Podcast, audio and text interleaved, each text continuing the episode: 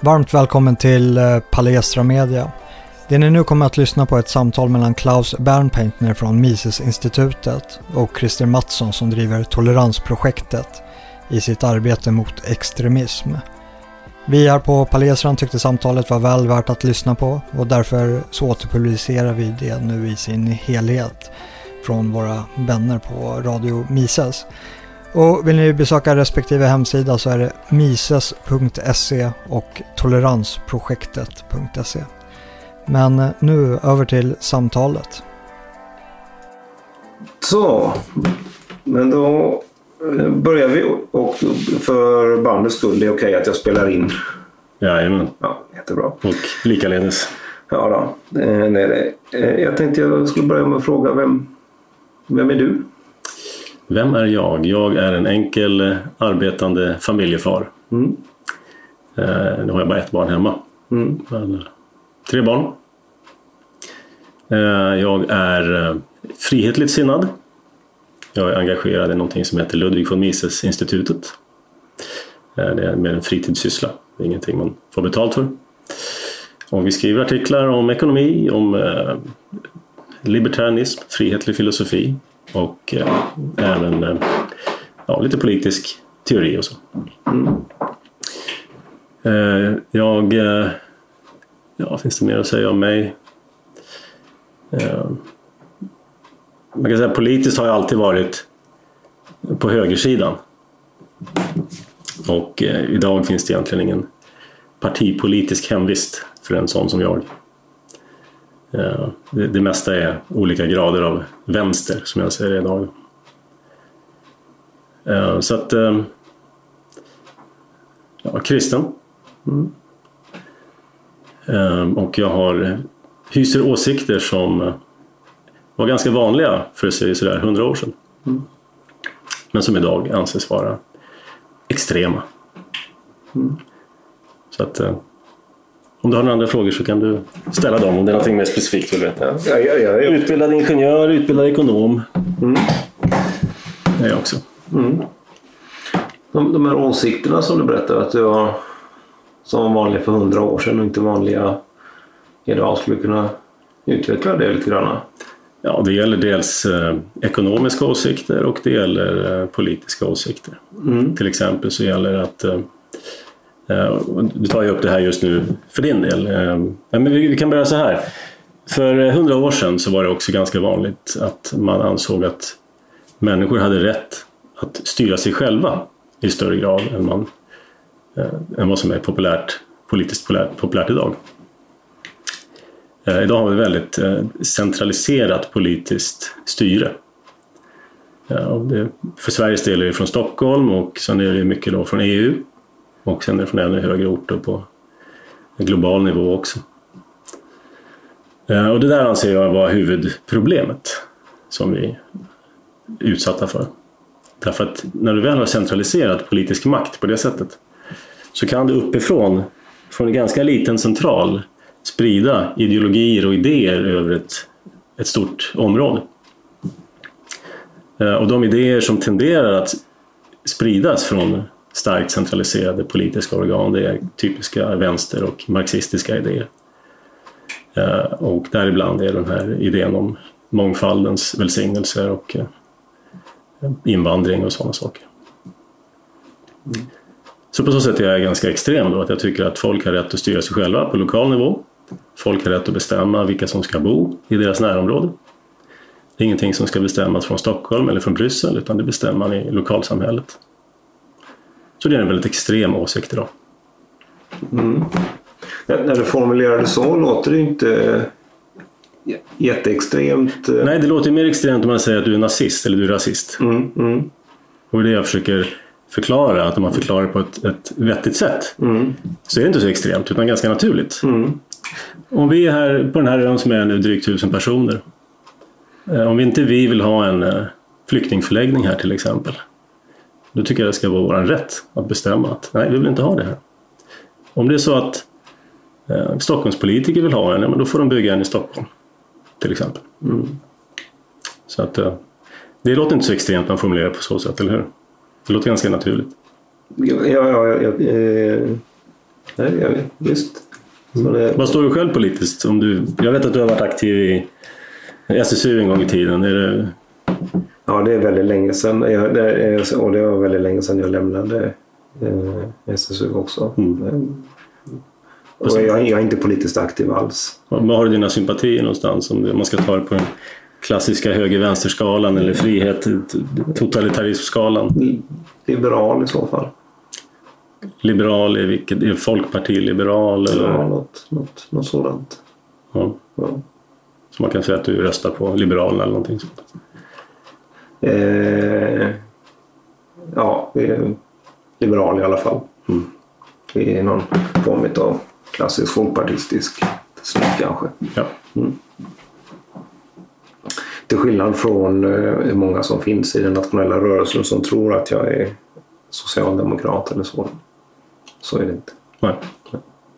Nu är det inte så stor skillnad på liberaler och socialdemokrater egentligen i dagsläget. Det är väl några procent skatt möjligen. Ja, just det. Förutom att Folkpartiet, eller som jag kallar dem, eh, de vill ju ha EU-skatter och sånt där också. Jag tror inte sossarna är riktigt där ännu, även om de kanske har kommit dit i och med det här så kallade coronapaketet. Ja, det är möjligt. Jag, inte, jag Men i övrigt så är det inte så stor skillnad. Nej. Eh, men jag skulle kunna berätta lite mer om, eh, om din bakgrund. Det som du beskriver som eh, ganska ordinära åsikter men som är extrema. Hur, hur kommer det sig att, att, att du har den livssynen du har? Vad, ja, du får tolka dig själv. Vilken livssyn tänker du på? Nej, men, eh, när du själv beskriver dig som att, eh, att du befinner dig i en position där de flesta partier är olika grader av vänster och, och att den typen av åsikter som du har var vanliga för hundra år sedan idag är de extrema och sånt. Så, vad är det eh, i dina erfarenheter som har lett dig till Nej, egentligen, är det ju, egentligen befinner jag mig ungefär där jag alltid har befunnit mig. Mm. Men eh, samtiden har eh, förskjutits mer och mer åt vänster. Mm. Uh, och, uh, du, du, kan ju ta till exempel om du läser Marx kommunistiska manifest. Så har ju han en lista där på tio punkter som han tycker det här är lämpliga åtgärder som vi kan genomföra för att införa vår agenda eller vår, vad vi vill göra här. Då. På den så hittar du punkter som eh, höga progressiva skatter till exempel. Du hittar punkter som eh, vi ska ha en centralbank. Centralbanken är liksom en marxistisk innovation. Eh, som folk tror är någonting liksom kapitalistiskt idag. Du hittar åsikter som att vi ska ha obligatorisk skolgång gratis för alla barn. Det är också en marxistisk idé. Jag vet inget politiskt parti idag som, eh, som säger emot det någon av de här punkterna egentligen. Eh, att staten ska ha kontroll över kommunikationer. Eh, och det, jag håller inte med någon av de här punkterna. Men i samtiden idag, både inom politiska partier och inom, bland folk i gemen, så är det självklara grejer. Så att jag befinner mig ungefär där jag alltid befunnit mig, men jag upplever att världen har liksom svängt längre och längre till vänster. Mm. Och sen är det ju så att i takt med att jag har fattat att det är på det sättet så har jag blivit ännu mer tydlig i var jag står då. Och det kan ju uppfattas som allt mer extremistiskt. Mm. På vilket sätt har du blivit mer tydlig? Nej, men när jag ser över tid, när jag har studerat över tid hur den här förskjutningen har skett. Hur vi gradvis går mer och mer åt vänster, vi gradvis blir mer och mer centralstyrda, gradvis har mindre och mindre att säga till om i våra egna liv. Hur skatter höjs, hur regleringar tillkommer. Det sitter ju 349 pers i Stockholm och hittar på nya lagar varje dag. Förutom när de har världens längsta och bäst betalda sommarlov. Men i övrigt så sitter de där och hittar på nya lagar varje dag. Och med varje ny lag så är det ytterligare friheter som tas ifrån oss. Och i takt med att min medvetenhet har ökat om den här processen, att den har pågått ganska långt, det är den naturliga processen i en demokrati, att man får den här utvecklingen. I takt med att min medvetenhet har ökat om det här så har jag blivit mer högljudd motståndare mot det. Mm. På vilket sätt blir du högljudd motståndare? Nej, men jag engagerar mig i olika saker. Den här intervjun till exempel. Mm, mm. Jag engagerar mig i att skriva artiklar, jag engagerar mig i diverse poddar. Uh, ja, där jag blir insläppt. Där mm. delar jag min åsikt helt enkelt. Och, och vad händer då? Uh, det är ganska intressant. Jag tycker att vi har, vi har en podd till exempel på Missinstitutet som heter Radio Misses. Uh, och där jag har fått väldigt bra gensvar där. Många människor som har börjat tänka, se samhället och utvecklingen med helt andra ögon sen de har lyssnat där. Börjar se bristen på frihet. Som jag ser det så är egentligen inte höger-vänster-skalan, den är egentligen obsolet idag. Mm. De flesta liksom samlas till vänster. Även Sverigedemokraterna ligger ju där och trängs. Så det, det som är den stora frågan egentligen, hur mycket frihet ska vi ha över våra egna liv? Hur mycket frihet ska vi på den här ön ha att bestämma vad som för sig här? När du talar om frihet, talar du om individens frihet eller den grupp som man tillhör och gruppens frihet? Både och. Ja. Individer tillhör ju grupper. Mm. Eh, och jag är, man kan inte leva som atomer utan man, man jobbar tillsammans. Här känner man sina grannar väldigt bra, man jobbar tillsammans. Det är liksom en naturlig enhet, en geografisk enhet som blir en social enhet. Och eh, vi som bor här ute, vi delar inte alla åsikter, men vi delar väldigt många åsikter om till exempel om vad som ska göras här ute. Så det är dels individens frihet men även diverse gruppers friheter att få styra och ställa sina liv som de vill. Mm. Om du skulle engagera dig i eh, ett politiskt parti idag, vad, vilket skulle ligga närmast i så fall? Ja, det finns inget politiskt parti som, som representerar mina åsikter eller som är ens i närheten tycker jag. Nej. Eh, jag tycker att invandringsfrågan är en... Eh, det är två frågor som jag ser som väldigt viktiga mm. för Sveriges framtid. Dels är invandringsfrågan mm. och dels är det EU-frågan. Mm. För det har direkt att göra med graden av självbestämmande. Mm. Så något parti som engagerar sig i de två frågorna eh, är väl i så fall det som ligger närmast. Mm. Men det gör ju Sverigedemokraterna. Nej, det gör de inte. Du tycker inte det? Nej, absolut Nej. inte. Nej. Kan du utveckla? Eh, de har ju blivit EU-vänner nu för tiden. Mm. De är ju EU, ska förändra EU inifrån har de fått för sig. Mm. Men det går ju sådär. De var ju EU-motståndare en gång i tiden. Mm. Jag tror det är egentligen bara Sveriges kommunistiska parti kvar som eh, har Alternativ för Sverige som jobbar för de frågorna. Mm. Ehm, så att Sverigedemokraterna det, är, det ser jag som någon typ av ja, socialdemokrati med lite mer nationalistisk inriktning. Mm. Lite grann som sossarna var förr i världen. Mm. Alternativ för Sverige? Ja, det, det, är väl kanske, de blir inte inne i, i riksdagen men mm. Är det något parti så, som har de två frågorna, mm. de har ju de två frågorna i alla fall. Mm. Men jag har inget, inget intresse av att engagera mig Nej. partipolitiskt. Men de skulle stå lite närmare då? Än... Jag står nära dem i de två frågorna, ja. Mm. Sen har ju de andra saker som jag absolut inte håller med. Mm. Det här med statlig sjukvård eller att public service ska få finnas kvar och sådana saker. Det, mm. strider radikalt mot vad jag, vad jag står för. Mm. Eh, du beskrev eh, för mig att nationalsocialismen eh, har framtiden för sig. Skulle du kunna utveckla det lite? Ja, det kan jag utveckla. Det är ju så att den här rasismen som du och dina vänner talar så varmt om jämt, eller inte så varmt om, men som talas ofta om ska jag säga. Mm. Det är ju inte så att den uppstår ur tomma intet. Lyssnar man på medierna idag så får man liksom känslan av att ja, det, det, finns en rasism som har uppkommit plötsligt och den måste vi bekämpa. Um, man kan titta på, det är ett symptom, rasism och nationalsocialism är ett symptom på någonting som har hänt i samhället. Uh, och det är ju att det har flyttat in ett stort antal främmande människor med främmande värderingar i det här landet mot folks vilja mer eller mindre. Eh, och sen reagerar människor på det. De ser det är ökat våld, ökad otrygghet, det är våldtäkter, det är bilbränder, det är sprängningar. Eh, och det är klart att man drar slutsatser om vilka som orsakar det här. Det är naturligtvis de, den stora mängden invandrare. Ibland den här gruppen så finns det människor med helt främmande värderingar eh, som inte vill oss väl. Och det är klart att människor reagerar på det. Och då är det lätt hänt att man blir rasist eller nationalsocialist eller någon annan typ av eh, nationalist. Så det, det, det, är ju det är en ganska naturlig utveckling, det är inte unikt för Sverige. Utan det ser vi i hela, hela västvärlden. Mm. Alla länder som utsätts för den här typen av sociala experiment. Jag menar, att flytta in över två miljoner främlingar i Sverige på två årtionden. Det är liksom den största, det är den största förändring Sverige genomgått, kanske i Sveriges historia överhuvudtaget. Det tycker man borde rimligen ha föregåtts av en folkomröstning åtminstone, att folket har tillfrågats. Mm. Så det, det, det, är självklart, fortsätter den här utvecklingen, vilket den gör, att svenskarna till slut blir en minoritet i sitt eget land, då, då är det självklart att folk reagerar på det. Och då är det självklart att folk hittar alla möjliga ideologier och, och klamrar sig fast vid för att få stopp på det här. Mm. Och det är ju nationalsocialismen, är en sån. Mm. Så så länge det här fortsätter så kommer nationalsocialismen växa.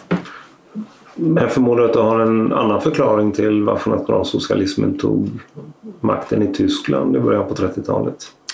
Nej, det är i stort sett samma sak. Folk kände att de inte hade makt över sitt eget liv längre. Det var främmande folk som, eh, som hade stort inflytande politiskt. Och det är ungefär det folk känner idag i Sverige också. Och vilka var det som hade inflytande på 30-talet? Ja, judar hade stort inflytande i Tyskland under 30-talet. Mm. Oproportionerligt stort inflytande och det reagerade ju folk på. Mm. Och idag så är det ju andra som har stort inflytande i Sverige. Det flyttar in ett stort antal muslimer i Sverige som nu bildar politiska partier. Så det är inte konstigt att folk känner att de börjar tappa kontrollen över sitt eget liv mm. och reagerar på det. Mm. Uppfattar du att eh, judar har oproportionerligt stort inflytande över globala institutioner idag? Ja, det är, det är bara en matematisk fråga. Det är inte mm. så mycket att liksom, debattera, så är det ju. Uh, det är ett väldigt smart och uh, framgångsrikt folk. Så att självklart så, mm. som alla andra, försöker de värna sina intressen. Mm. Och det önskar jag att svenskarna gjorde också på, på, på ett sätt som de inte gör idag. Varför är du inte nationalsocialist? Eh, jag är inte socialist. Nej. Det är det som är grejen här. Mm. Jag är inte för... Nationalsocialismen är ju en ideologi också som gillar att centralstyra. Mm. Allting ska styras från Berlin. Mm. Precis som socialdemokratin i Sverige, allt ska styras från Stockholm eller EU. Kramarna, allt ska styras från Bryssel. Jag är ju för separatism, lokalism. Mm. Så att därför kan jag inte vara social, nationalsocialist. Jag vill inte att Sverige ska centralstyras på något sätt. Men ska Sverige finnas som nation?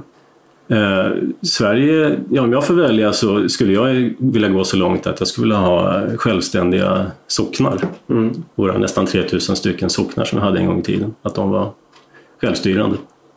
Det finns ingen anledning för oss, jag har ingen nytta här av Stockholm. Nu är jag ju upplänning själv. Mm. Jag är inte stockholmare ursprungligen men är upplänning och jag, jag, vet inte, jag har ingen nytta av Stockholm här. Mm. Jag bidrar inte med någonting. Så att vi kan styra oss själva alldeles utmärkt här.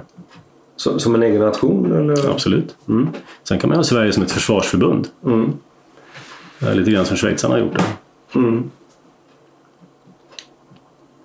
Så att, eh, jag menar, om, om en byhåla här någonstans vill, vill ta emot stort antal muslimer eller afrikaner eller ryssar eller judar eller norrmän då är det naturligtvis upp till dem och så får ju de finansiera det också mm. med sina egna pengar. Och mm. då slipper de här konflikterna. De som, de som vill ha, de får. De som inte vill ha, de slipper. Mm.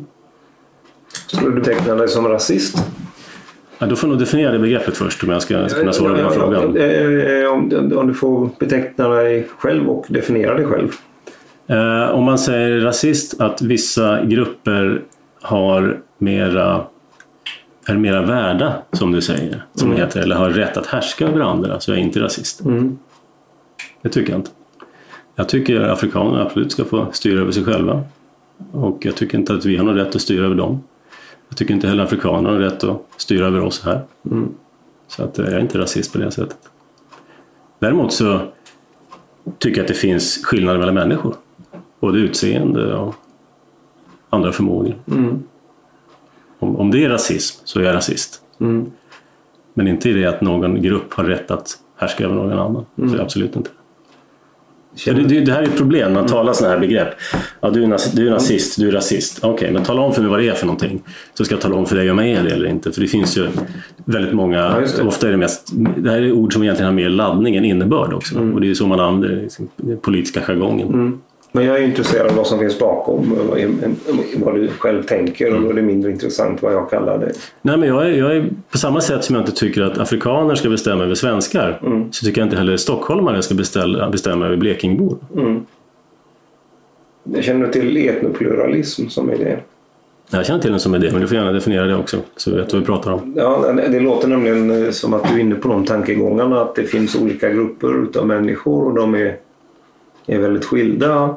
Den ena gruppen behöver inte styra den andra gruppen men de ska vara på olika platser. Jag är, egentligen, jag är inte främmande för att människor flyttar omkring. Mm. Är det så att någon här vill gifta sig med någon som är från Ukraina eller någonting eller varifrån det nu kan vara. Då har inte jag någonting med det att göra. Det jag inte gillar det är när det sitter folk på ett stort avstånd härifrån och dikterar vilka som ska bo här mm. mot vår vilja. Mm. Så att det naturliga är ju att människor föds på en viss plats eh, tillsammans med människor, ja, människor som ser lika ut som de själva in i en kultur som deras föräldrar är liksom ett med och de lär sig liksom leva, leva i den kulturen med de värderingarna. Mm. och sen så stannar man där, det är det naturliga. Och vill man flytta någonstans, ja då får man se till att göra sig välkommen. Mm. Och uppföra sig, anpassa sig. Mm. Så hela den här idén med integration, att, att vi ska anpassa oss till folk som kommer hit och vi ska bli toleranta och vi ska visa omtanke och så här. Det, alltså, kommer man hit och uppför sig, kommer man hit och är inbjuden, nu pratar jag inte om att man är inbjuden av politiker, nu pratar man om att man är inbjuden av sin, sin lokalbefolkning. Mm. Ja, ja, det är en sak. Mm. Men att komma hit och förvänta sig att vi ska ändra oss, vi ska ändra vårt politiska system, vi ska betala deras intresseföreningar, vi ska betala för deras politiska partier med bidrag och sådana saker. Mm. Vi ska anpassa våra lagar och våra värderingar. Läroplanen ska förändras för att bli mer tolerant och mer liksom, inkluderande. Det är jag absolut emot. Mm. Eh, men det här att du engagerar dig i olika frågor och driver podd och så här, har det Eh, ja, hur har det påverkat ditt liv i övrigt? Förutom att du får positiv respons på podden? Säger grannar någonting? Arbetskollegor? Nej, det är inte så många som... Jag menar, man, formulerar man sig och resonerar och inte använder sådana här känsloladdade ord som eh, rasist och nazist och fascist utan liksom bara resonerar om saker och ting så tycker de flesta att det är ganska naturligt. Mm. Så att uh, vi håller på mycket med ekonomi och sådär också. Och det är inte så, så politiskt på det sättet. Um, men nej, jag har byggt, fått en mycket större vänkrets sen jag började med det här för ungefär tio år sedan. Mm. Drygt tio år. Kan du berätta om den lite? Ja, men det är alla möjliga människor, som, mest är det människor man känner på nätet då. Mm. Um, som uh, som intresserar sig för de här frågorna, som intresserar sig för Europas problem och framtid. Um, som tycker det är intressant att börja förstå saker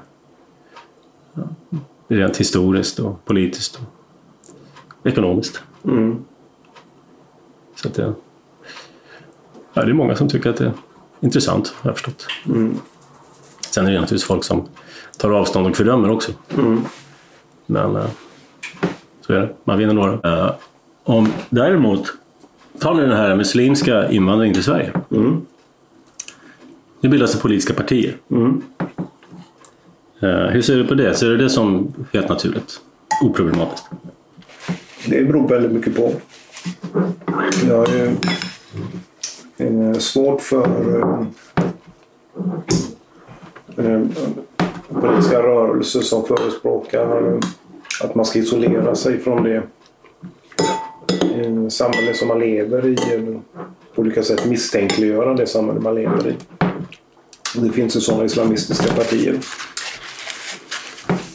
Ser du det som problematiskt att de kan få inflytande över svensk politik, svensk lagstiftning?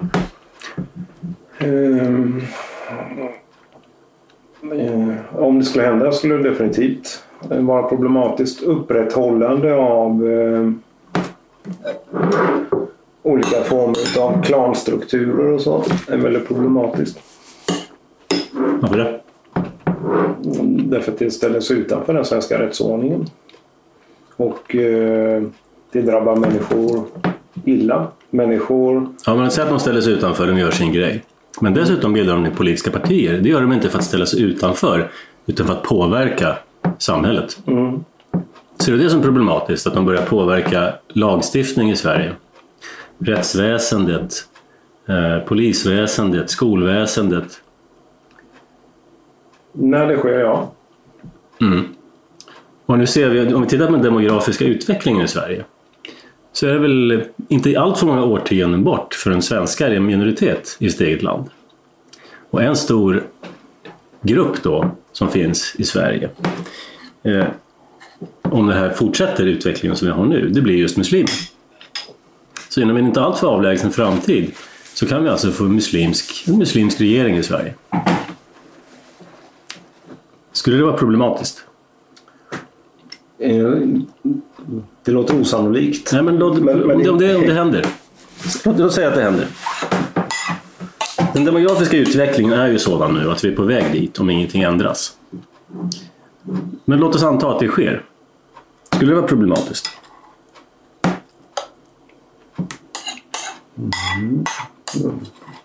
Förmodligen. På vilket sätt? Eh, tack, det var bra. Det var jättegott. Det är himla gott med blåbär till också. På vilket sätt skulle det vara problematiskt om muslimer fick politiskt inflytande i Sverige? Det, det, ehm, det, det är svårt att... ehm, det, är lite grann som att eh, säga, är det problematiskt att kristna får inflytande? Ja, men vad menar man med kristen? Vad menar man med muslimer? Ja, det, det, det är ingen... Utövare av islam. Följare av Muhammed. Eh, Följare av sharia-lag.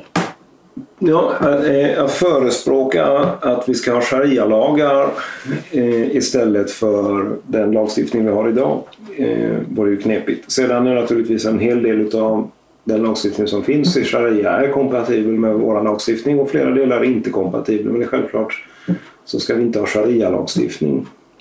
Nej, men det är inte så självklart om vi får en muslimsk regering i Sverige. Och en muslimsk majoritet.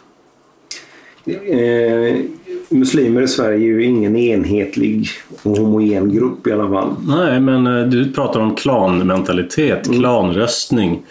Eh, Man, man röstar gärna efter eh, etniska och ideologiska och religiösa gränslinjer. Ja, nu har vi två partier på uppgång här. Ett arabiskt parti och ett så kallade nyanspartiet. Så vi får ju mer och mer inflytande här nu. Om vi får en majoritet av muslimer eh, Du ser det som problematiskt?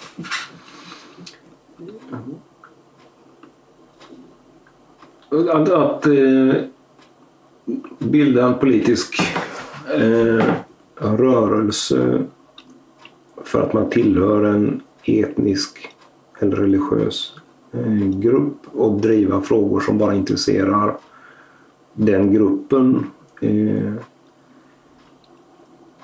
är ju inte precis något jag skulle förespråka. Nej, just det. Precis. Så du ser det som problematiskt om vi skulle få muslimsk politisk majoritet i Sverige? Det är bara ett ja eller nej räcker. Ja, det, det, själva frågan är, är så, så väldigt eh, hypotetisk därför det finns ingen homogen muslimsk grupp Nej, men det behöver inte vara en homogen muslimsk grupp. Sve- Svenska socialdemokrater är ingen homogen grupp. Nej, de nej. röstar socialdemokrater och vi får ett eh, socialdemokratiskt samhälle med allt vad det innebär. Mm. Eh, om du flyttade till Arabien och så var det andra svenskar där, och kanske norrmän till och med, och ni bildade ett politiskt parti för att främja lite mer västerländska värderingar. Ni är väldigt olika, men förmodligen skulle ni stödja ungefär samma politiska inriktning där då, va? fast ni är väldigt olika. Det är inte svårare än att det flyttar hit muslimer från massa olika länder med helt olika värderingar och eh, synpunkter på detaljer men ändå är hyfsat överens om liksom, den religiösa inriktningen då. Så det, det behöver inte vara en homogen grupp. Men att du får ett, en muslimsk majoritet, eh, politisk majoritet i Sverige. Men det, det skulle vara problematiskt. Kan vi, är vi överens om det i alla fall? Ja, så som du framställer det. Men det, det är inte den utvecklingen som jag, jag tror kommer... Precis, och det, och det är där du skiljer dig från mm. de här som du åker runt och försöker tillrättavisa i skolorna. För de ser ju en annan utveckling. De ser det som vi har idag. De ser att det ökar med tilltag, liksom, ytterligare invandring. Och de, och de drar den här demografiska kurvan, de extrapolerar den och de ser att det finns ingenting idag som bryter den trenden. Det finns ingen politisk vilja att bryta den trenden. Alltså måste vi fortsätta att extrapolera den här kurvan. Och gör man det så ser man att om inte allt för lång tid så är alltså svenskar en minoritet i sitt eget land. Och då blir de, vad du säger, högerextremister för de vill minska invandringen. Så att, så att skillnaden här ligger i, vad tror vi om framtiden? Du tror att nej, men det här är osannolikt. Varför? Vad, vad menar du gör det osannolikt att du skulle bli minoritet i vårt eget land? Varför osannolikt under rådande utveckling? Så du gör en annan bedömning där. Du tror inte det kommer ske. Andra tror att det kommer ske och då blir de vad du kallar högerextremister. Mm. Varför skulle det inte ske? Jag är ju egentligen mest intresserad av området som, som jag forskar kring. Eh, det som intresserar mig nu det är förändringen i den världen som traditionellt har kallats för högerextrem och som har varit väldigt stigmatiserad. Att vara en del av och eh, så försöka förstå vad är skillnaden i idéutvecklingen i en organisation som Nordiska motståndsrörelsen förhållande Ja, det är ju en liten, liten grupp människor. Jo, jo, jo. Men den kommer naturligtvis att växa under nuvarande politik. Men om vi ska, jag vill bara ha svar på den frågan. Ja. Därför att vi är båda överens om att det är problematiskt om vi får en eh, sharia-förespråkande majoritet i Sverige. Ja. Eh, och jag menar att den demografiska utvecklingen är sådan att vi kommer att komma dit mm. om ingenting görs. Och du menar att det inte kommer att ske, sannolikt. Och då vill jag veta varför du inte tror det kommer att ske. Därför det kommer att ske en integration. Du menar att de här människorna kommer bli som svenskar och liberala folkpartiröstande, klä sig som vi, tänka som vi, rösta som vi? De här partierna som dyker upp? Mer eller mindre. Okej. Okay. Mm. Så det finns egentligen ingen, inget problem för din del att flytta in, som, som Annie Lööf sa, flytta in 30 miljoner människor till Sverige som kommer från ja, Afrika eller, eller Arabien och så. Det är inget problem för dig? Jo. Och var ligger problemet? 30 miljoner eh, människor, om de skulle dyka upp här, vad, vad ska de leva av? Ja, det finns massor. Det går, det går att starta företag, det är inga problem. Ja, ja visst, visst. Men eh, det är en sak om det sker under en väldigt, väldigt lång period. Eh, men det är under en kort period. Det, du kan ta vilken tidsperiod du vill. Nej, men det går inte. Jag tror inte det skulle fungera. Nej. För att? Säger vi 100 år? Det har jag ingen sakkompetens att bedöma. Men vad menar du med fungera? Det skulle inte fungera, säger du. Varför skulle det inte fungera? Därför att den globala ekonomin är uppbyggd kring eh, globala produktionscentra runt om i, eh, i världen. Eh, så själva motsättningen mellan stad och land är delvis en överspelad motsättning. I framtiden kommer det vara en motsättning och är redan idag en motsättning mellan globala produktionscentra om man tillhör ett sådant uppkopplat mot ett sådant eller om man inte är det. Och, och, Sverige är väldigt uppkopplat. Sverige är väldigt uppkopplat. Mm. Men, men de, de är sköra de här eh, produktionscentra. Ett globalt produktionscentra är ju eh, onekligen Göteborg och västkusten och som drar med sig en del andra regioner i eh, Olafström följer ju med in i det. Men det räcker med ett streck i Peking så har Olafström väldigt allvarliga problem. Göteborgsområdet. Okay, så det är ett rent, för dig rent ekonomiskt eller logistiskt problem. Det har ingenting liksom med Sverige eller jo, svensk det, kultur eller jo, svenskar att göra? Jo, jo visst, men, men eh, en, en, en, avgörande eh, eh, faktor är att människor måste först och främst kunna försörja sig. Mm. Och, och, det kan man, ja, men ponera att det, jag tror att det är inga problem med försörjning. Nej.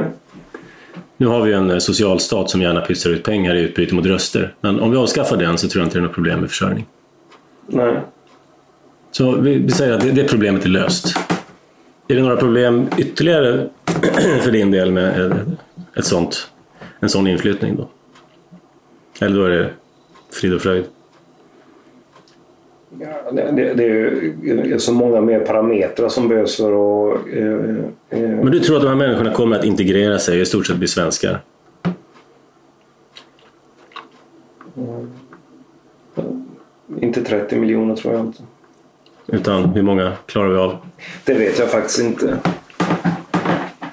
Finns det någon risk för det liv som vi lever här idag? Att det förändras om vi flyttar in människor med de kanske inte, det är, ganska, det är ganska stor risk att ta och säga men vi flyttar in de här människorna, de kommer bli som oss. Det har aldrig hänt förut i världshistorien, men det kanske händer nu. Alltså det är en väldigt stor risk man tar om man gör ett sådant experiment. Eh, ett sådant experiment som egentligen inte har... Ja, det, finns, det, finns liksom inget det finns inget bevis på att det, att det har fungerat bra någonstans. Att, att blanda etniciteter på det sättet. Eh, men, men du tror att det skulle funka i Sverige? Um det vi talar om nu är någonting som är en del utav eh, eh, hela den mänskliga existensen och alltid varit en del utav människans Jo, men inte att du flyttar in 25 procent av befolkningen på 20 år. Människan eh, har alltid migrerat. Ja, det är ingen som ifrågasätter det. Nej. Men nu pratar vi om volymer, ja, ja, ja. enorma kvantiteter. Ja, nej, vi pratar om tiden faktiskt. Och, och, och tiden eh, under vilket förlopp detta äger rum har en stor påverkan. Den tid som vi lever i nu brukar benämnas som senmodern, det senmoderna samhället. Det senmoderna samhället kännetecknas av acceleration. Där acceleration går i tre stycken dimensioner. Först och främst är den teknologiska accelerationen. Vi har tillskapat en teknik eh, som möjliggör att man kan förflytta sig över stora avstånd på kort tid. Man kan förflytta varor, ja, kunskaper. Ja. Eh, det betyder att människor i moderniteten och i synnerhet i det senmoderna samhället förflyttar sig i större grupper över längre avstånd på kortare tid än någonsin.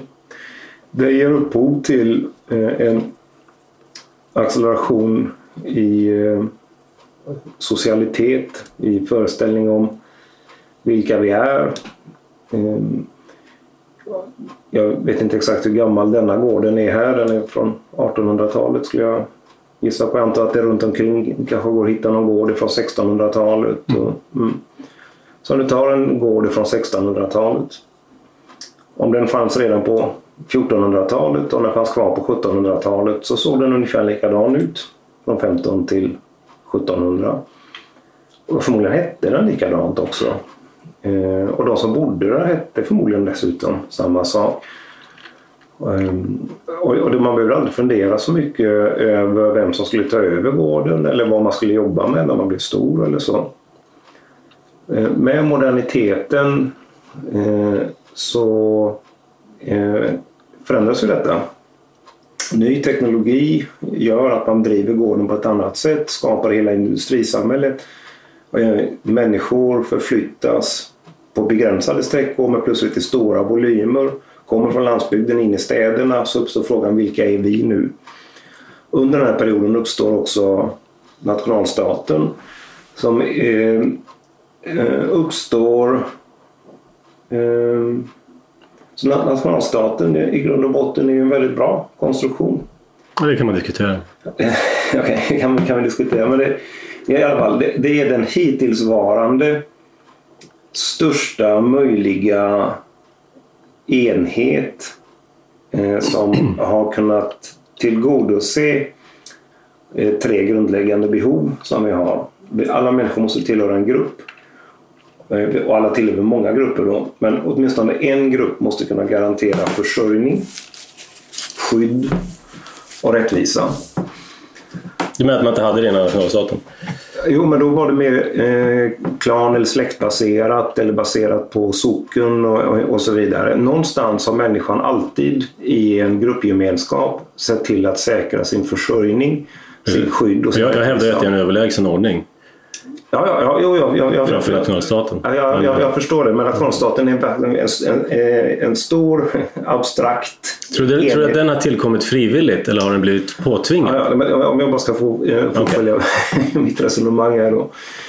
Eh, eh, så- så, eh, Hur som helst, eh, den här stabiliteten som jag förstår du vill återkomma till eh, den upphör ju långt innan vi får internationell migration av, av stor skala. Och det är en del utav senmodernitetens acceleration. Den tredje dimensionen som senmoderniteten accelererar för oss är eh, vår självförståelse, vilka vi är, eh, vår identitet. Då. Så eh, min mormor, morfar, farmor och farfar eh, de kommer ju att födas in i ungefär samma liv som sina föräldrar. Och mina föräldrar eh, kommer att födas in i ett väldigt likartat liv som deras föräldrar föddes in i. Eh, men redan under ungdomsperioden så fick de möjlighet att göra helt andra livsval. Men de livsvalen de gjorde under sin ungdomsperiod, där kom de i stor utsträckning att avsluta sina liv eh, också. Min generation och din generation, vi föds in i ett liv som är helt annorlunda än det liv som våra föräldrar föddes in i. Och det liv vi skapar för oss i eh, vår ungdom har väldigt lite gemensamt med hur vårt liv med största sannolikhet kommer att se ut eh, när vi dör. Så det är en del av den här hyperaccelerationen och den äger ju rum vare sig vi vill det eller inte. Så eh, internationell migration är bara en del eh, av eh, hur våra identiteter så att säga i grunden skakas om i det senmoderna samhället. Eh, mänskligt DNA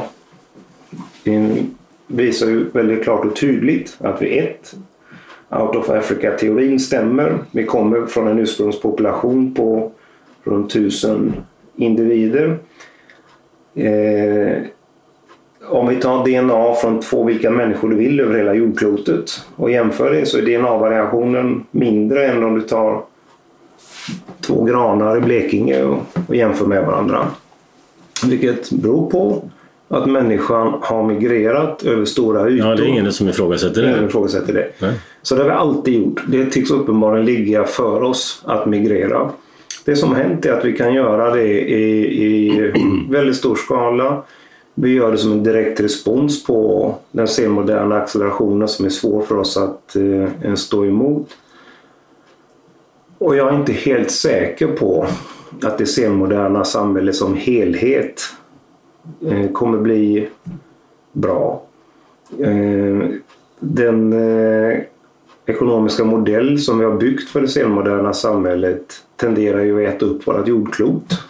Ja, det kan man diskutera också. Kan man också Det- Det är diskutera. en populär vänsterfabel, men okej. Ja, jo. Eh, så, jag, är inte alls så att... Men Jag, du menar alltså att den här migrationen som vi har sett in till Sverige, den här massmigrationen, är en konsekvens av att vi är moderna? Att det går plötsligt att resa? ja, ja. Okej. Mm. Så Det är ingenting som vi kan stå emot i Sverige? Utan därför att efter, eftersom man kan resa från Afghanistan då kommer det flytta in massor med afghaner ja här. man kan absolut eh, st- stå emot det. Ja. Så. Så det är egentligen snarare en politisk grej det här migrationsprojektet? Ja, eh, ja det, det, finns inget riktigt bra exempel i, i människans historia på när vi har förmått att avbryta en viss eh, utveckling som drivs utav... Ja, men det, jag försöker förklara för dig här nu att Ja. vi har haft en teknisk utveckling. Ja. Därav följer inte att det måste flytta in 2,5 miljoner människor i Sverige på två årtionden. Nej. Det så följer inte logiskt. Utan det här är ett politiskt projekt som vi har fått eh, ifrån Stockholm i stort sett och kanske från Bryssel till och med, eller FN vad det nu är. Eh, så det, det är liksom ingen logisk följd av det du säger. Men, men på vilket sätt har den politiken uppstått menar du då? Eh, den här invandringspolitiken. Ja. Eh, Det kan man faktiskt ifrågasätta, eller frå- fråga sig. Jag vet faktiskt inte svaret Nej. vad det är. Men det är någon anledning. Av någon anledning så vill politiker i Sverige att det ska flytta in eh, en drös andra människor som inte är födda här. Som inte delar våra värderingar, som inte delar eh, det sätt vi tänker på. Eh, det sätt vi jobbar på, det sätt vi ser ut på, det sätt vi gör saker på. Mm. Du får fråga dem varför de tycker att det här är så viktigt. Eh, Men de är framrustade så är, kan man inte säga som så att eh, de här politikerna har styrt därför folk har röstat på dem och den här politiken Ja, det är den naiva synen på det hela. Det har ju varit transparent så, så att det är väl du som får acceptera mm. Och vilket parti ska man rösta på idag om man vill ha? Du har ju några paket här. Du får välja mm. det paketet, det paketet och så liksom blandar man in lite godsaker här. Eh, ja, vi ska visserligen ha mer invandring men du får lite mer pengar. Jaha, okej, okay, ja, jag får lite mer pengar. Så mm. väljer folk det då. Så kanske de inte riktigt kan lista ut konsekvenserna av det de väljer. Mm.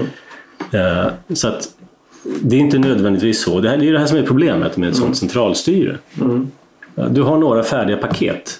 Och det kanske är så att de som rattar de här paketen, de som leder de här politiska partierna, mm. har mer gemensamt med varandra och kanske med högre, nästa högre nivå så att säga. De söker ett jobb i EU eller ett jobb i FN-skrapan i New York eller någonting. Och man blir belönad om man driver en viss politik. Det kan vara så, det kan vara andra saker. Jag vet inte vad som driver det här. Mm.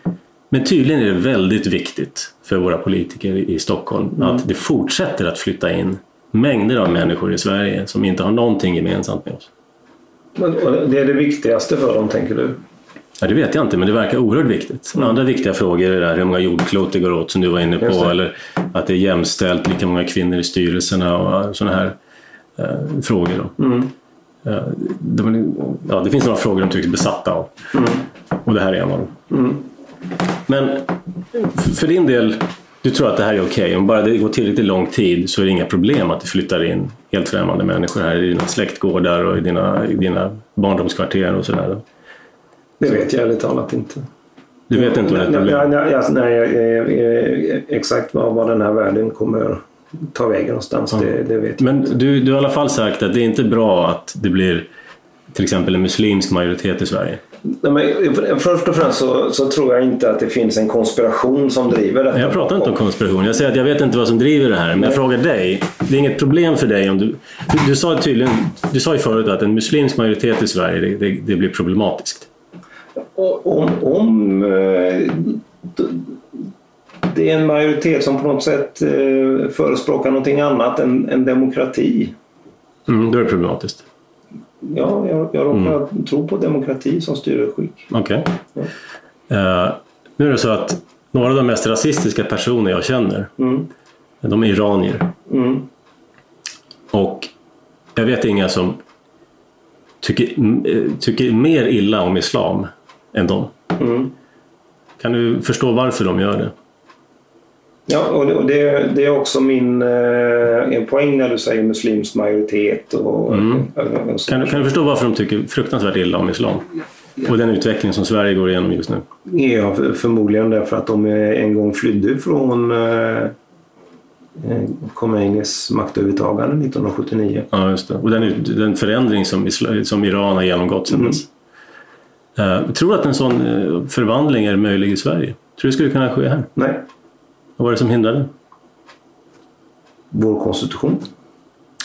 Och att konstitutionen vilar på en eh, demokratisk... Uh... Så att, men om du får en muslimsk majoritet, kan man inte ändra konstitutionen då? Ja, men det är inte det som håller på att hända och jag tror inte att det är det som kommer att hända. Och vad baserar du det på? Finns det någonting som visar att invandringen till Sverige håller på att minska? Anhöriginvandring, asylinvandring och så vidare. Jag, jag tror inte att människor kommer hit för att eh, göra om Sverige till ett muslimskt land. De kommer hit av helt andra drivkrafter. Och det var inte, vad var det som hände i Iran då tror du? Ja, vad tror du hände i Iran? Nej, jag frågar dig. Det, tydligen så omvandlade man Iran till ett annat typ av land än vad det var innan. Ja, vad var det som ledde den vad, utvecklingen? Vad var det för land innan? Det var ett land som såg ut som Sverige nästan. Det var ju, kvinnorna var ju lika fria som här nästan. Det var utbildning och det var, det var inga sådana här svarta kläder man hade på sig. Det var knappast en demokrati. Nej, jag, jag hänger inte upp mig på demokrati, jag hänger upp mig på frihet. Eh, och det fanns minimal frihet. Det är bara på ytan frihet. Vi talar om Iran var ju under shahen. Eh, Betydligt friare än vad det är idag. Eh,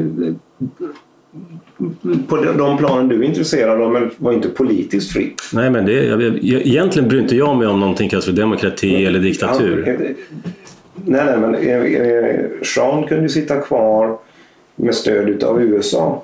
Mm. Mm. Men det, det, det, det, är detaljer. Jag, jag frågar, kan Sverige gå igenom samma utveckling som Iran? Nej. Revolutionen 1979 var en blandning av oppositionella. Långt ifrån alla var ju eh, religiösa. Mm. Många av dem som gjorde motstånd mot Jean eh, upplevde sig på goda grunder lurade av utkomsten av att man gjorde sig av med en förtryckande diktator i ett land med minimal frihet. Mm. Men du tror inte att om du förändrar demografin i Sverige så kan det absolut inte hända i Sverige? Eh, nej, jag tror inte det. Det är så, så hypotetiskt. Okay, om, om, vi tar bort alla svenskar och så set, tar vi alla... Du behöver inte ta bort alla svenskar, men du kan fylla på med andra folk. Ja, men det är ju inte det. Det är inte så att alla som kommer till Sverige är... Men säg inte alla, men tillräckligt många. Nu bildar de ju politiska partier. Ja, okay. Så att, men du menar att vår, vår grundlag skyddar oss från att det skulle kunna hända? Vi kan inte bli övertagna av eh, en, en klanbaserad religion eller eh, islam eller någonting sånt. Det är omöjligt i Sverige. Det tror jag. Oavsett hur många vi flyttar in så kan det inte hända.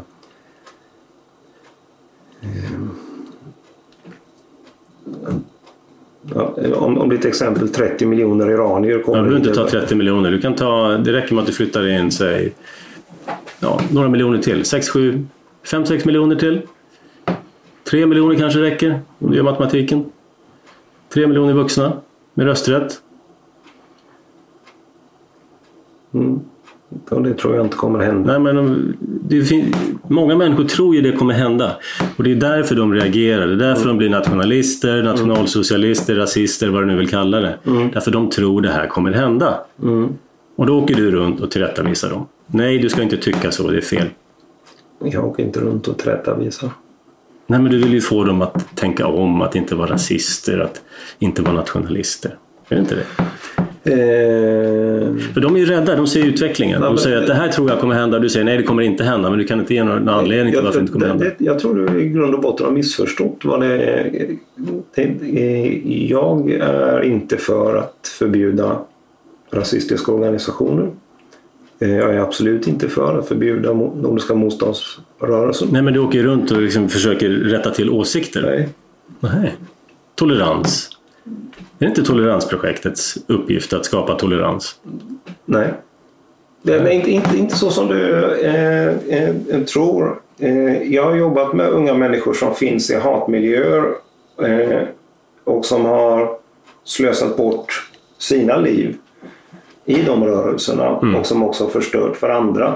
Mm. Människor har rätt i en demokrati att tycka och tänka vad de vill. Att okay. ha en, eh, en, en eh, homofob åsikt är absolut ingen anledning att tryckas upp i ett hörn och, och, och att man ska tillrättavisas eh, för det. Toleransprojektet handlar om, om att ge var och en utrymme att reflektera över vem man själv är. Att eh, förstå den komplexa värld man lever i. Vad var det med tolerans? Varför heter det tolerans? Eh, därför att det är en vilja till samexistens. Det, det, det, det finns en, en sak som jag, jag, tror att ni fundamentalt missuppfattar. Ja, du får gärna förklara det. Jag delar den uppfattningen att det finns en sanktionerad intolerans om en människa växer upp i ett sammanhang där det finns ett homofobt språkbruk, där man är rasist eller vad man är och så kommer man till skolan och, och då blir man tillrättavisad. Och, och eh, det blir sanktionerat att angripa den eleven. Vi får också andra skolkompisar radikaliseringsprocesser in i militanta högerextrema grupperingar, vilket jag studerat, har nästan alltid eh, ett inslag av att man har blivit konfronterad, förminskad, upptryckt i ett hörn. Eh, så när jag själv undervisat elever i toleransprojektet så har det varit en blandning utav eh, elever. Elever som kanske kommer från en raggarkultur med ett visst språkbruk och elever som kommer från som själva ser sig som eh, blattar och kallar sig själva för blattar. Också väldigt intoleranta. Och sedan, om vi då säger PK-elever som är extremt intoleranta mot båda grupperna, mest mot eh, raggargruppen. Men allting kommer omkring så de är ganska intoleranta. De, men de har ett språk då så att de vet att de, vissa saker kan man inte säga om de där förortskidsen då, med invandrarbakgrund. Så de vet hur de ska manövrera förbi det men inte så att de precis ser dem som sina jämlika. Eh, och, och den PK-gruppen är ju den som har lättast att ta sig igenom skolan. De som kan radikaliseras till eh, att använda våld och det är ju det som är mitt forskningsområde jag är inte intresserad av att någon ska radikaliseras. Jag studerar eh, också hur man radikaliseras till jihadistiska eh, våldsgrupper, eh, till högerextrema våldsgrupper. Jag är intresserad. Vänsterextrema? Det studerar inte jag. Okay. Men jag, jag tycker absolut det ska göras. Likadant som att vi måste studera vad är det som gör att människor tycker att de har rätt att terrorisera lantbrukare från djurrättsrörelsen. Det är en sak att ha en uppfattning att man inte ska få lov att har du, har, har du toleransövningar med lärare och skolledning så att de ska vara mer toleranta mot elever med homofoba och eh, rasistiska åsikter också? Eller? Ja. Så att de ska lära sig acceptera de eleverna och så? Ja, ja, eh, ja hur, hur, man för eh, vettiga och bra samtal. Mm att inte förminska och förlöjliga eller förringa någon. Mm. Att eh, ta sina elevers erfarenheter, levda erfarenheter på riktigt.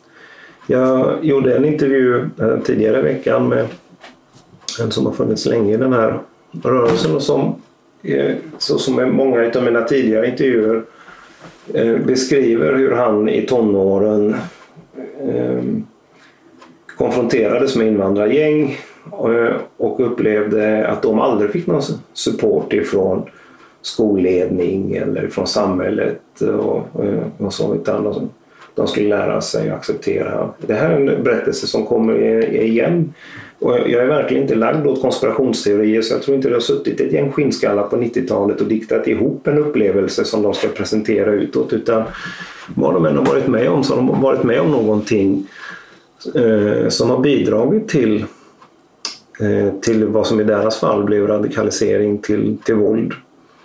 Och, och att motverka eh, våld tror jag vi kan vara eh, överens om men att motverka människors åsikter på bekostnad av deras fria vilja inget jag kan stå bakom. Okej, okay, så det är bara våldet du försöker motverka, inte påverka åsikter? Ja. Det är ganska angeläget mm. för mig. Okej. Okay. Mm. Men äh, att Sverige ändrar skepnad och, och sådär, det har ingenting, det liksom ligger utanför ditt intresseområde? Nej, men jag kanske inte helt håller med om, om din eh, analys men jag känner mig inte nödgad av att etikettera dig för det och, och, och framförallt inte på något sätt eh, begränsa dina möjligheter att uttrycka detta vare sig eh, politiskt eller socialt. Ja, det var fint. Nej, men jag, jag, tror, jag tror, det är därför jag frågar i intervjun hur det har blivit för dig när du har eh, någonting som, eh, som är väldigt centralt i toleransprojektet och som jag tar upp i lärarfortbildningen är att eh, min uppfattning är att elever, och om vi överför det till samhället, och alla människor har alltid rätt att uttrycka precis vad de tycker och tänker. Men det kan finnas vissa begränsningar i det. Då. Eh, jag, jag, tycker inte att det är lämpligt i samhället och jag tycker inte att det är acceptabelt i klassrummet att man uttrycker saker bara för att man vill att någon ska bli upprörd. Det har liksom ingen poäng då. Om jag säger någonting och min, hela min poäng är att nu vet jag att du blir arg eller ledsen. Om det är min poäng då, är det ju, då har det ingenting med undervisning att göra. i samhället kan man inte förbjuda det, men i klassrummet har det ingen funktion. Men om jag tänker att homosexualitet är en eh, avvikelse från det naturliga och, och det, det, är så jag ser på världen. Om jag inte får lov att framföra det i klassrummet och diskutera det, var ska jag framföra det då någonstans? Och om jag ska kunna få framföra och diskutera mina åsikter så måste jag ju vara trygg i det. Eh, och eh, jag har bekymmer med den här idén att ingen ska bli kränkt. För det är en sak om jag blir kränkt av vad du säger. Det är en annan sak om det var din avsikt. Och det kan inte helt och hållet ligga på mottagaren att avgöra eh, om eh, det var rätt av dig att säga det eller inte. Det är oundvikligt att vi kommer kränka varandra för vi har olika uppfattningar. Eh, men det är inte säkert att det är vår avsikt att göra det. Eh, och jag är helt övertygad om att ett tolerant samhälle måste inbegripa eh, att åsikter som är kränkande får lov att framföras. Men vi behöver inte acceptera att de framförs med syftet att kränka. Finns det någon gräns för tolerans? Eh, ja, eh, precis som med demokrati då. Så när, när, man använder demokratin för att avskaffa demokratin, när man använder toleransen för att avskaffa eh, toleransen. Ser du att det händer idag? Ja. Var någonstans? Eh, det, det, finns i olika former av sekteristiska eh, grupperingar. Jag uppfattar definitivt att en del av den värdegrundspedagogik som eh, finns motverka det som jag skulle kalla för tolerans.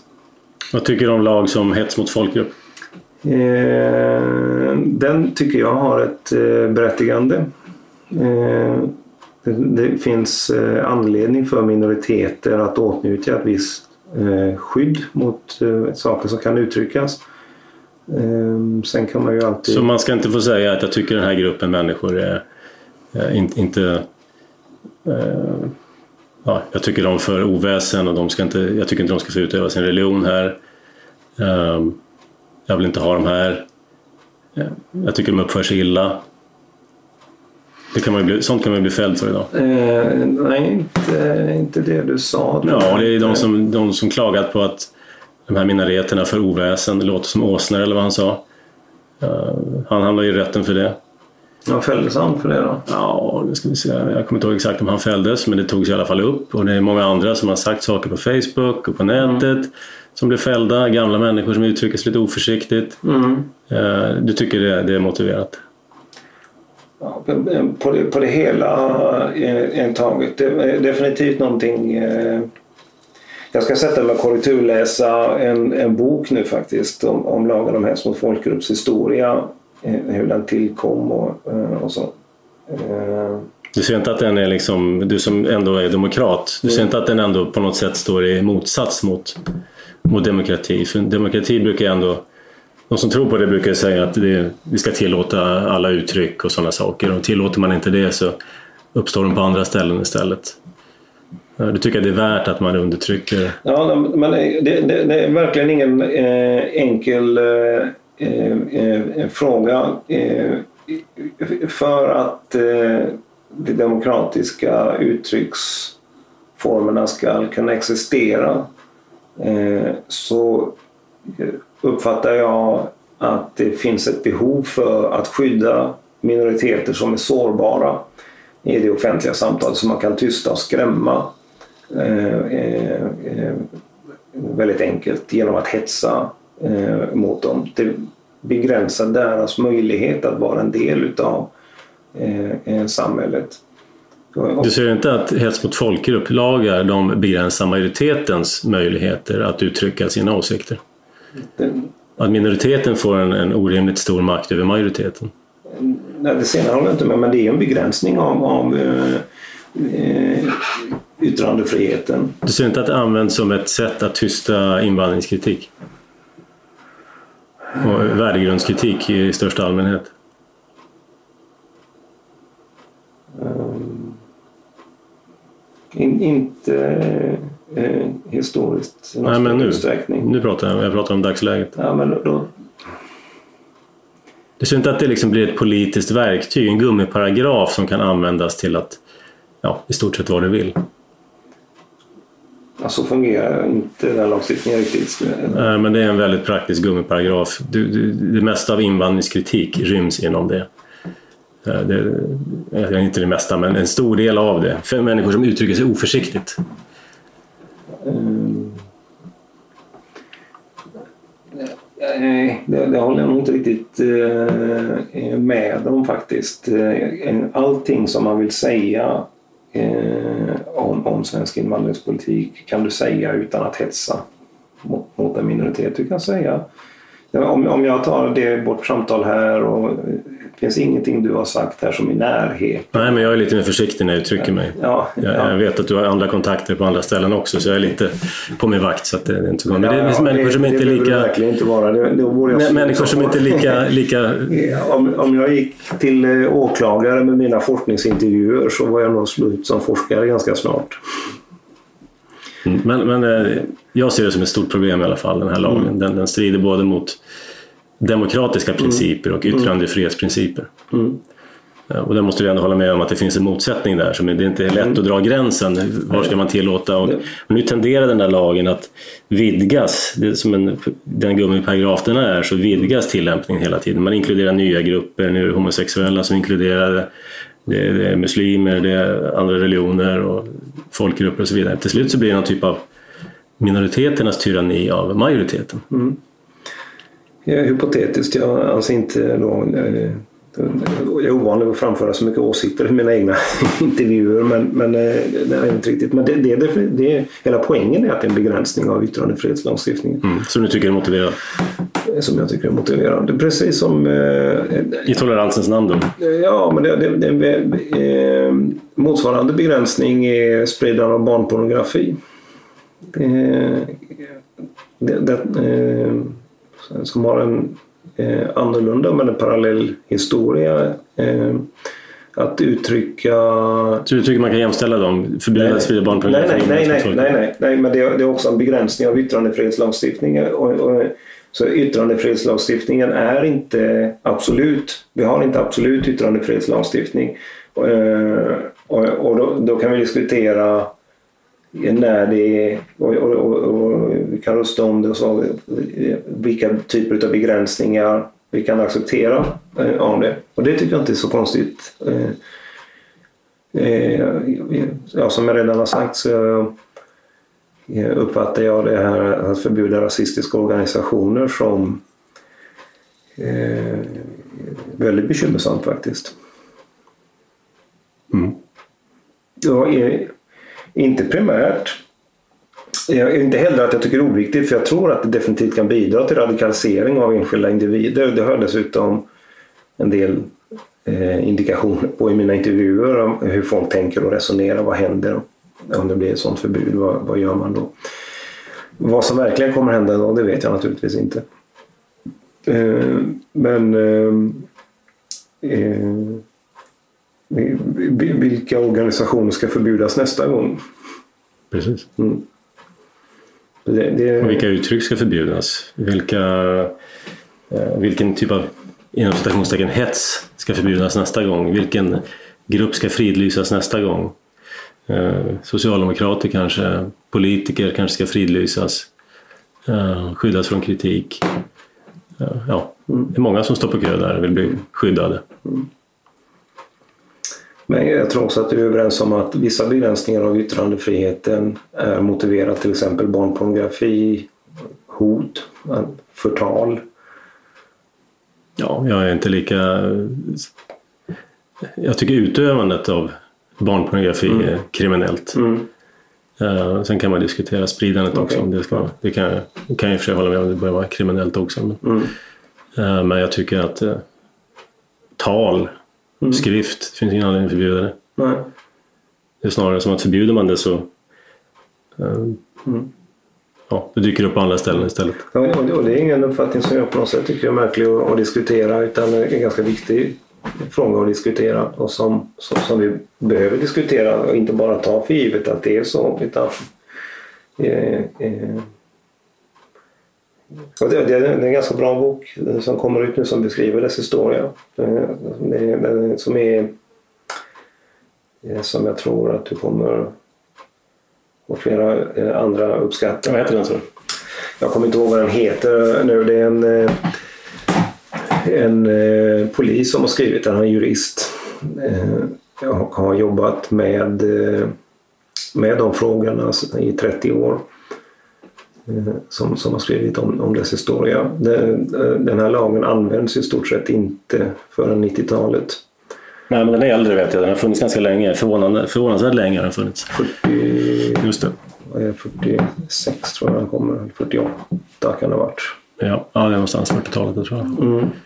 Och det, det vet, eh, den hette ju Lex Åberg från, från början. Som skrivställaren antisemit Einar Åberg som Eh, Eh, ställer till bekymmer för, för Sveriges eh, anseende utomlands. Han var den första som började sprida en stor volym förnekande av förintelsen. Och, eh, han spred antisemitiska skrifter under mellankrigstiden och det fanns en färdig utredning som kom kanske 41-42 där man tog upp möjligheten att förbjuda hets då mot folkgrupp. Och också om regeringen inte ansåg var påkallad så man la inte fram den propositionen. Däremot så infördes en del andra lagar om olovlig kårverksamhet och sådär. Eh, men så körde Einar Åberg igång och då så det, var, det var verkligen lex Åberg, och honom man ville få typ Anser du att invandringspolitiken i Sverige är ett problem? Integrationspolitiken i alla fall. Inte invandringen? Ja, de, de hör ihop med varandra. Om integrationen ska gå till så den går till... Tycker det har varit fungerat bra att ta in så stora mängder människor? Hade det gått med en eh, bättre integration som ni kallar det? Hade det fungerat bättre då? Hade det, hade det varit möjligt att integrera så här många människor i Sverige? Mm, det hade kunnat vara betydligt bättre. Ja. Så det, har inga, det är inga problem med att det är för mycket människor helt enkelt utan det, det är bara en fråga om teknik att göra svenskar av dem? Mm, nej, men det är klart att det är en volymfråga eh, eh, också. Det, det, det är ju, vore idiotiskt att påstå någonting annat. Så för mycket folk helt enkelt? Ja, uppenbarligen har vi inte klarat av den här integrationen. Vi har tagit in för mycket folk på för kort tid. Och sen är ju också frågan vad är alternativet hade varit i olika skeden och, och så. Du tror inte att vår politik i Sverige med rätt generösa eh, bidragsmöjligheter har påverkat intresset av att komma just till Sverige? Jo. Så där kanske man skulle ha gjort någonting åt? Um, ja. Men, men du känner till eh, eh, Somewheres and Anywheres? Har, har, du hört om det? Ja, du får gärna förklara. Ja.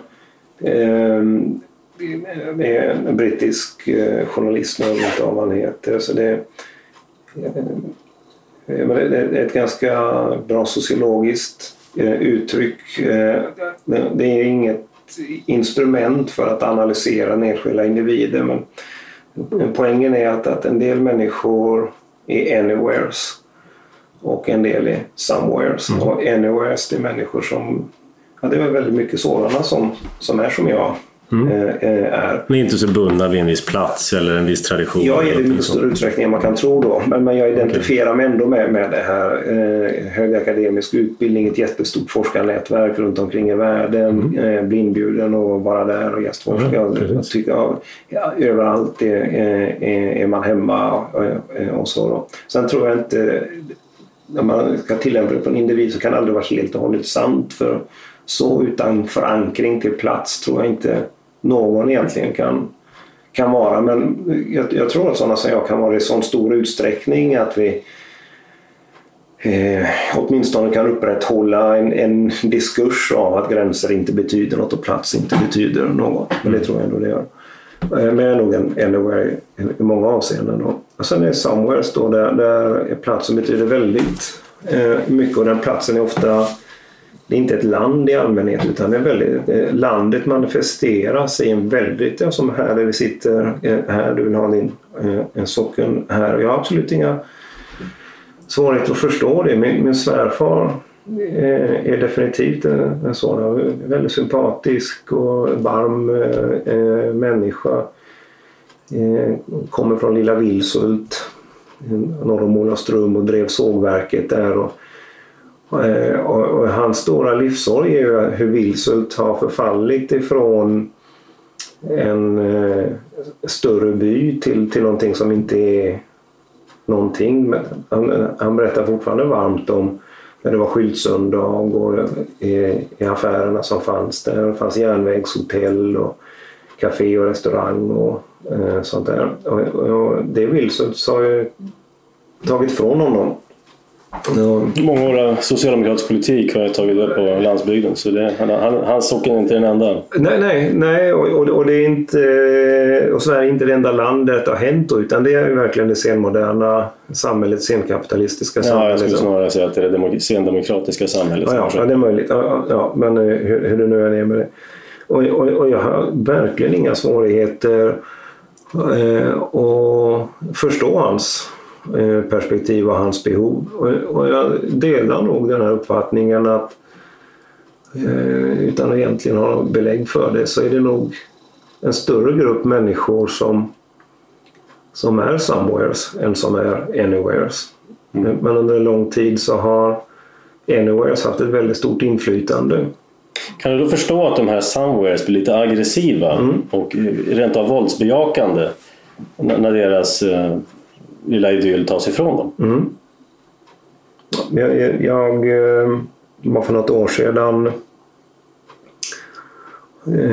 de kanske rent av blir, de kanske rent av blir extremister. Våldsbejakande extremister. Eh, ja, det, det... De kanske rent av tycker att landet invaderas och man bör resa militären till att göra ja, försvara landet. Kanske. Ja, det, det, är inte riktigt mitt forskningsfokus och så, men visst, visst Eh, jag var liten för något år sedan och hålla föredrag. Det är en organisation på landsbygden som hade fått ganska mycket pengar för att göra ett projekt om konflikter mellan stad och landsbygd. Och så lyssnade jag på de andra föreläsarna, jag behöver inte nämna vilka de var. Eh, men det var så uppenbart eh, att allting gick ut på att de i, i det här landsbygdsprojektet egentligen skulle uppfostra invånarna för att de hade börjat rösta på Sverigedemokraterna. Utan eh, något större intresse alls av att förstå eh, vad det är för behov som eh, finns i det här. Det var ett, ett riktigt uppfostringsprojekt mm. Som inte fanns till för landsortens skull eh, utan för eh, Anywheres skull. Mm. Att eh, hålla kontroll på. Och det, är väldigt, det, är, precis så väldigt många människor upplever det här migrationsprojektet. Ja. Jag blir, ja, blir du förvånad när jag säger så här nu? Nej, nej jag tycker Ja, lite att du har den, de sympatierna ändå. Förståelsen i alla fall. Mm. För det, det, är det som är Eh, hela det här migrationsprojektet är ju ett folkuppfostringsprojekt. Ja, ni blir arga och rasister. Fy skäms. Ni ska lära er att inte vara rasister. Inte liksom, låt oss titta på vad orsakar det här. Mm. Nej, det är symptomen vi ska bota. Mm. Det här är en sjukdom. Ni är mm. islamofober, ni är homofober, ni är mm. rassofober eller vad det nu är för någonting. Det, man får en diagnos. Det här är en mm. sjukdom. Mm. Och den kan vi bota med, med terapi och piller. Mm. Inte att det är en typ av övergrepp som människor reagerar på. Mm. Utan vi från stan, vi ska komma och bota det. Mm. Och, och, det är det som är ja, som jag ser som det här projektet mot eh, våldsbejakande ideologier. Det är lite grann i den andan jag uppfattar det. Mm. För mig är det inte konstigt att människor blir aggressiva när man begår övergrepp mot dem på det sättet. Mm. Det här är en gammal konflikt eh, mellan land och stad och det här är en, i, i samma samma typ av konflikt som jag ser. Mm. Det är liksom en storstadsidé, som, en huvudstadsidé som pådyvlas folk. Mm. Eh, sen kan man ju rösta men det, det, hjälper inte för att alla är överens. Så att, eh, ja, så ser jag på saken i alla fall. Mm. En fråga jag vill ställa mm. på sin spets, ytterligare en hypotetisk fråga till dig. Eh, om du vågar svara på den. Ja, det, är bara min personliga säkerhet som är begränsad. Ja, men du, får, du får välja själv om du svarar på den. Du ska flytta till en stad. Du har två alternativ. Eh, den ena staden, de är exakt likadana, exakt lika många människor, exakt mm. samma företag, exakt, de ser exakt likadana ut. Mm. Den ena staden befolkas av norrmän. Mm. Den andra staden befolkas av araber. Mm. Vilken väljer du? Och varför? Mm. Men om, om, om eh, allting är exakt lika, då spelar det ingen roll. Det spelar ingen roll om du bor med norrmän eller araber? Ja, det, hela poängen... De har sina värderingar, de, de har sina, sitt språk, eh, de har sina, sin klädstil. Ja. Men eh, i övrigt så är allting lika. Det finns företag, det finns skolor. Ja, det finns... Jag, jag, jag, kommer förmodligen bosätta mig där jag hittar eh, liberal, högutbildad medelklass. Där trivs förmodligen jag. Och vad tror du hittar den någonstans? Det kan vara på båda ställena. Det beror ju på. Eh, I, i, i eh, praktiken runt om i, i, i, världen så hittar jag liberala samhällen i större utsträckning i västvärlden. Okej, okay, så för dig spelar det ingen roll, bara liksom en liberal grupp du kan hitta där? Sen vilken religion de utövar, hur de klär sig, hur de talar, hur de tänker, hur de umgås. Det, det spelar ingen roll. Jag, jag spenderat eh, oceaner av tid i, i Polen. Eh, jag tycker väldigt, väldigt mycket om Polen. Du kan byta ut norrmän mot polacker. Nej, nej, nej, nej, men jag, jag, jag, tycker väldigt mycket om Polen. Och jag är så eh, hjärtligt trött på att, att, så fort man ska diskutera Polen så är det bara olika former av problem som finns i Polen. Det går till långt tillbaka i i eh, nyhetsrapporteringen. Eh, på 80-talet så var det ingenting annat än eh, alla miljöproblem som fanns i Polen och de fanns men det fanns något annat. Varför tror du man kritiserar Polen i medierna idag? Eh, och Ungern, kan lägga in Ungern där också. Ja, jo, men, men eh, så, så, när vi idag eh, kritiserar dem eh, för att de minskar rättigheterna och friheterna för hbtq-personer och de har den regeringen. De har Eh, så är den kritiken till stor del framad som all kritik har varit mot Polen under Men det är ändå demokratiskt? Det är demokratiskt. Mm. Och det är ett land som är väldigt kluvet emellan den här väldigt, väldigt, väldigt konservativa delen och en, och en väldigt, väldigt liberal är det ett problem med demokrati om du har en befolkning som är kluven? Nej, det behöver inte nödvändigtvis eh, eh, eh, vara. Eh, men det är väldigt lätt att stereotypisera Polen så som man för stunden vill utmåla Polen. Problemet är att man alltid har talat illa om Polen. Oavsett vad det är man har velat säga så man vill tala illa om, om Polen. Jag, eh, jag uppfattar inte att vi talar illa om eh, USA eh, på ett särskilt sätt för att de har Trump som eh, president utan tycker man illa om hans politik så är, så är det väldigt mycket riktat mot Trump.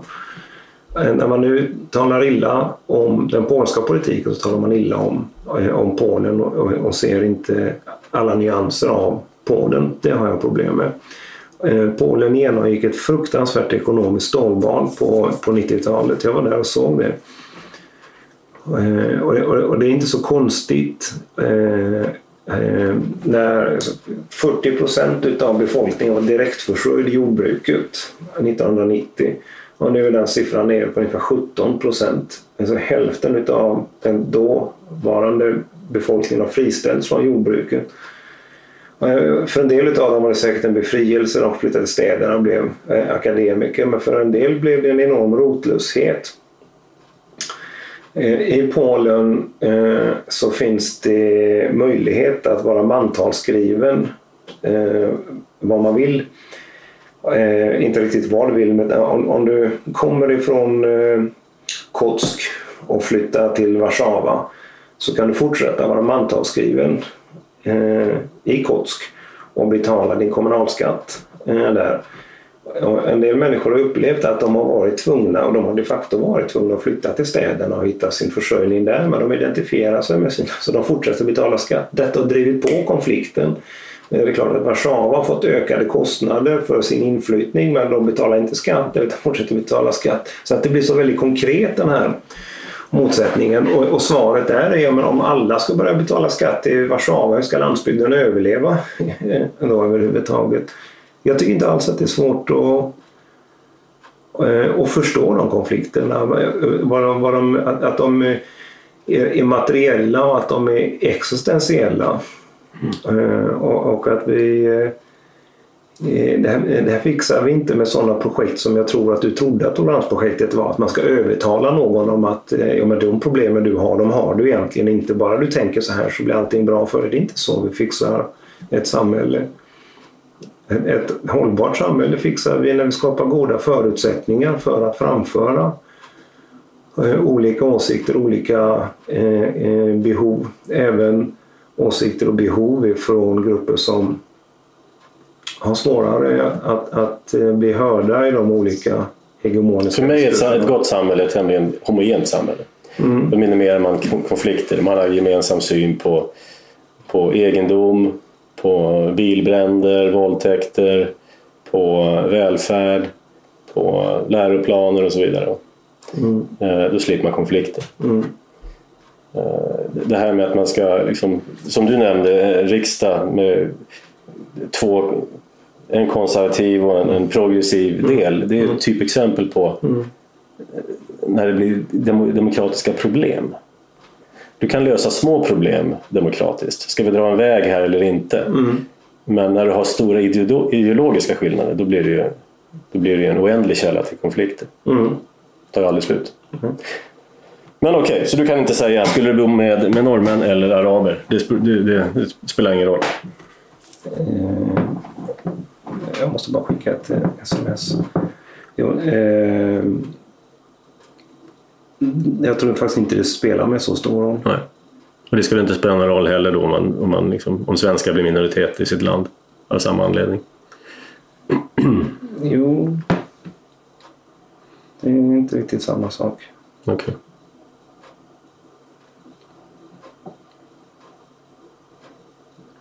Faktiskt. Så det, det är ett problem om svenskar blir minoritet i Sverige?